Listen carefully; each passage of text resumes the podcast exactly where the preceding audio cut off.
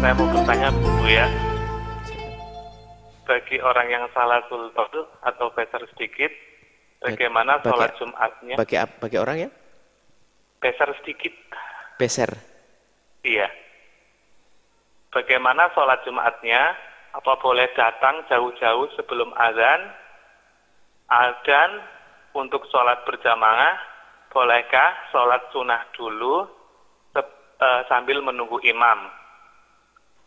Dan bolehkah juga membaca atau memegang Al-Quran setelah sholat tanpa wudhu lagi?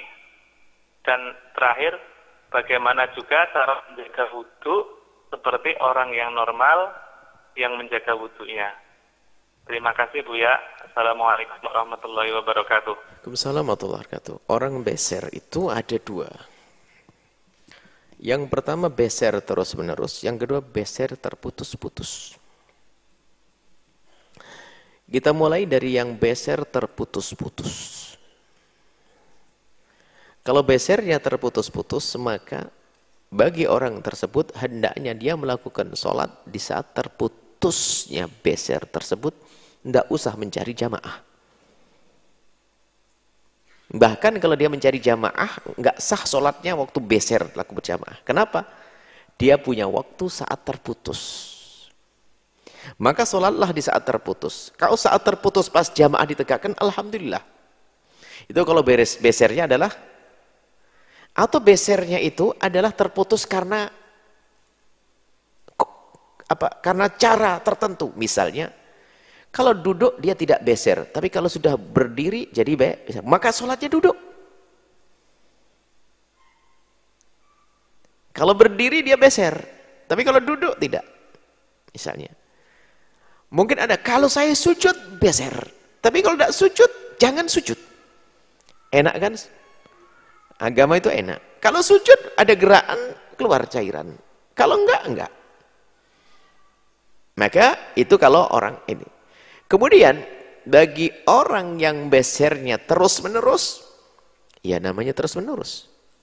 Kalaupun ditunggu tetap beser, maka dia tetap melakukan sholat fardu dalam keadaan dia beser. Karena enggak, cuman caranya, syarat yang pertama adalah dia bersihkan dahulu tempat yang terkena najis tersebut kemudian dia memberikan sesuatu meletakkan sesuatu yang bakal meringankan beser tersebut. Menyumbat enggak? enggak bisa disumbat meringankan. Mungkin mohon maaf pakai mohon maaf celana dalam kemudian di dalamnya dikasih sesuatu agar ada tekanan atau membuat sesuatu yang ketat atau wanita membuat sesuatu pembalut yang lebih kuat lagi yang jelas seperti tersumbat jadi setelah dibersihkan dirapatkan dengan itu semuanya laki-laki pun juga sama kalau besernya dirapatkan kemudian setelah itu mengambil air wudhu yang kedua Nah, mengambil air wudhunya adalah harus setelah waktu sholat tiba. Kalau belum sholat tiba, nggak boleh, nggak sah. Jadi syaratnya adalah adzan masuk baru dia wudhu. Kalau wudhunya sebelum waktu masuk, nggak dianggap, nggak bisa dipakai untuk sholat. Kemudian, dia harus bergegas melakukan sholat. Dia harus bergegas, ini yang terus-terus ya besernya. Kalau beser terputus sudah berhenti, selesai dia harus bergegas melakukan sholat dan tidak boleh menunggu apa pun kecuali menunggu untuk kepentingan sholat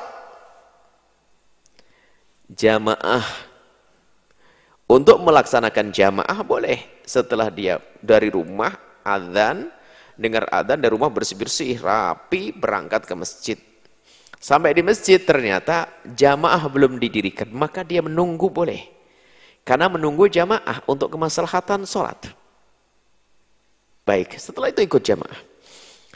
Dan wudhunya orang yang kena beser semacam ini, yang beser terus menerus, nggak ada hentinya.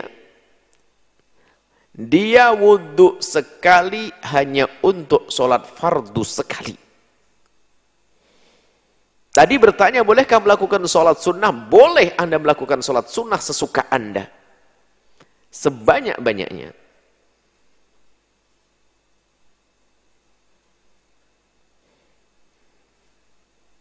Seperti tayamum. Memang di sana ada yang mengatakan kalau beser nggak perlu deh melakukan sholat-sholat sunnah yang lainnya, kan? tapi mereka akan terhalang dari kebaikan yang banyak. Kita ambil pendapat yang mengatakan semacam itu. Jadi kalau sholat sunnah boleh. Dia dimaafkan kenapa? Memang dia beser terus. Nunggu kapan pun ya nggak ada berhenti wong dia beser terus. Kecuali dia menjadi yang pertama ada saat berhenti. Misalnya waktu asar itu mulai jam 3 sampai jam 6. Berarti kan 3 jam. Tapi dia sadar bahwasanya biasanya menjelang maghrib itu atau jam 5 sore sudah berhenti. Yang nunggu berhenti ya nggak usah melakukan sholat. Kalau yang terputus-putus. Yang kedua tadi kita bahas adalah kelihatannya yang bertanya adalah beser yang tidak pernah terputus-putus. Kalau beser tidak terputus-putus ya itu tadi dibersihkan, kasih penyumbat, wudhunya sudah masuk waktu sholat, kemudian langsung melakukan sholat. Tidak boleh menunggu sholat fardu kecuali untuk kemaslahatan sholat seperti jamaah tadi. Tapi isyaratnya dia ada kalimat sedikit yang saya dengar tadi. Besernya sedih, berarti kan tidak terus menerus. Kalau anda tidak terus menerus, jangan mikir sholat jamaah. Mikir cari waktu yang kosong, tidak ada beser, anda melakukan sholat dengan keadaan normal. Nah, seperti itu kalau terputus-putus ya.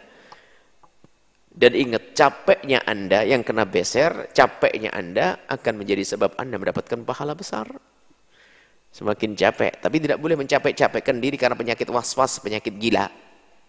Maka orang kalau kena was-was itu gila. Biarpun katanya orang beneh itu gila dia. Dan gila sesungguhnya, bukan main-main. Kelihatannya bagus, dia, dia gila. Was-was. Bukan was-was ya, karena beser benar. Was-was itu kayak beser, kayak perasaan, perasaan, perasaan. Enggak sholat-sholat, itu setan berhasil was-was. Ini saja ya. multiple items.